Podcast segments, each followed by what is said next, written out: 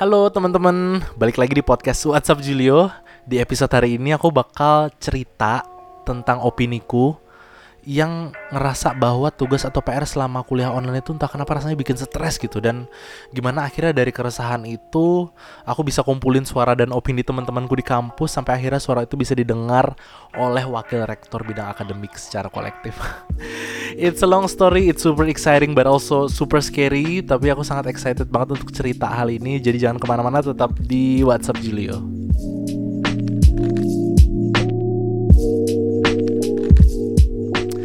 Halo gengs, apa kabar? It's been a while. Aku udah berapa lama ya aku nggak bikin podcast um, dari podcast terakhir itu. Um, cukup lama, tapi yang jelas hari ini aku excited banget karena um, hari ini kita bakal ngobrolin topik yang menurutku emang menarik banget. Um, topiknya adalah tentang kesehatan mental mahasiswa jadi seperti yang kita tahu kan kita lagi di masa pandemi nih. Semuanya kita lakuin dengan cara yang berbeda banget. 180 derajat bedanya. Jadi kalau dulu yang aku biasanya kalau kuliah itu mesti harus OTW ke kampus dulu hadir secara fisik. Sekarang kita tiba-tiba harus dituntut bisa kuliah dan ngerjain semuanya dari rumah. Kuliah online. That's a thing now. Banyak asumsi kan sebenarnya kayak oh kalau kuliah online dari rumah kan mestinya kita bisa lebih santai, lebih enak, bisa kuliah dari mana aja, jadinya kita bisa punya lebih banyak waktu untuk keluarga dong gitu kan. Tapi ternyata um, asumsi ini menurutku jadi kayak apa ya lebih menarik untuk diteliti.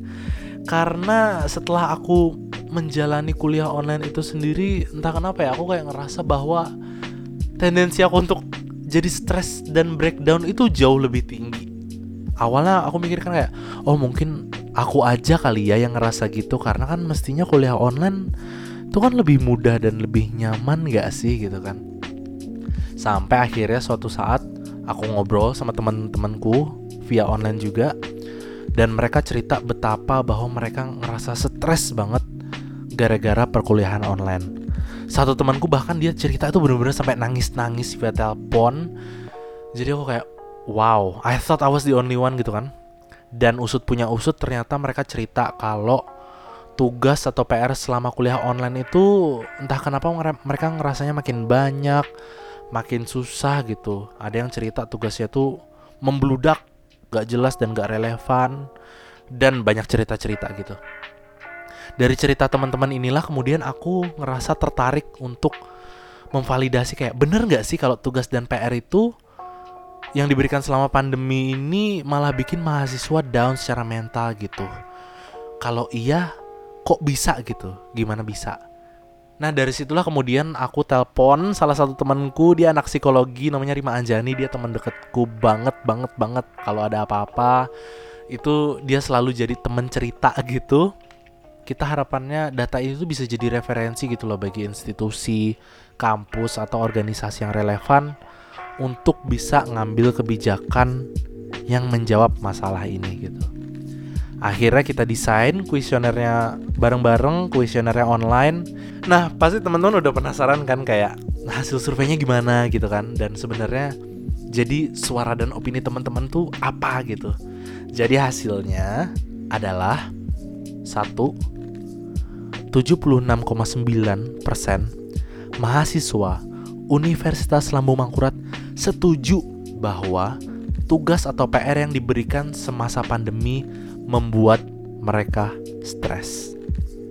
Dari data ini jelas sebenarnya kalau mahasiswa tuh stres cuy dan ini bukan opini. This is data. This is a fact. Ini adalah fakta. Kalau kita biarin terus-terusan gini, akan banyak masalah kesehatan mental yang akan dihadapi oleh mahasiswa dan tentunya itu akan mengganggu produktivitas dan well-being mereka sebagai mahasiswa. Dari survei yang sama juga kita coba telah lagi kan gimana dampaknya terhadap kesehatan mental mereka, dampak psikologisnya, apa yang terjadi dan apa yang mereka rasakan gitu kan. 60% mahasiswa mengaku mengalami yang namanya burnout. Dan selain itu juga ada beberapa gejala lainnya juga yang dirasakan oleh mahasiswa kayak 53% mengalami kecemasan atau anxiety, 20%-nya mengalami depresi, dan satu gejala yang angkanya paling sedikit itu cuma diisi oleh 8 orang Dan tahu nggak apa yang diisi oleh 8 orang ini? 8 orang ini punya suicidal thoughts atau punya pikiran untuk bunuh diri. At that point ketika aku baca data itu, aku kayak no, this is not okay. It's not okay. Gak bisa. Kita nggak bisa biarin teman-teman mahasiswa ngalami situasi yang kayak gini. Beberapa minggu setelahnya, kita akhirnya dapat kesempatan untuk menyajikan hasil survei ini di salah satu seminar gitu, pokoknya tentang kesehatan mental. Dan seneng banget kita dapat respon yang positif dari semuanya, dari mahasiswa, dosen, bahkan dari wakil rektor juga memberikan apresiasi kalau ada inisiasi atau upaya mahasiswa yang berusaha memastikan opini dan suara mahasiswa didengar gitu loh. Akhirnya setelah itu kita diajak berkolaborasi sama pusat layanan bimbingan konseling ULM. Seneng banget kita akhirnya duduk ngobrol bareng-bareng untuk bikin program preventif dan dari pihak kampus juga wakil rektor bidang akademik berkomitmen untuk melakukan intervensi dari dalam. Tapi satu hal yang satu hal sih sebenarnya yang aku pengen teman-teman ambil hikmahnya dari cerita ini adalah pendidikan di Indonesia itu masih jauh banget dari kata ideal dan banyak yang harus kita kerjain biar mahasiswa bisa merasakan kemerdekaan selama belajar di kampus dan banyak masalah yang harus kita selesaikan juga. Jadi, yuk teman-teman suarakan aspirasi kalian sebagai mahasiswa, suarakan opini kita biar kita bisa meraih kemerdekaan dalam belajar dan melalui suara kita kita bisa melakukan perubahan dalam negeri. Um, sampai jumpa di WhatsApp Julius selanjutnya. Goodbye.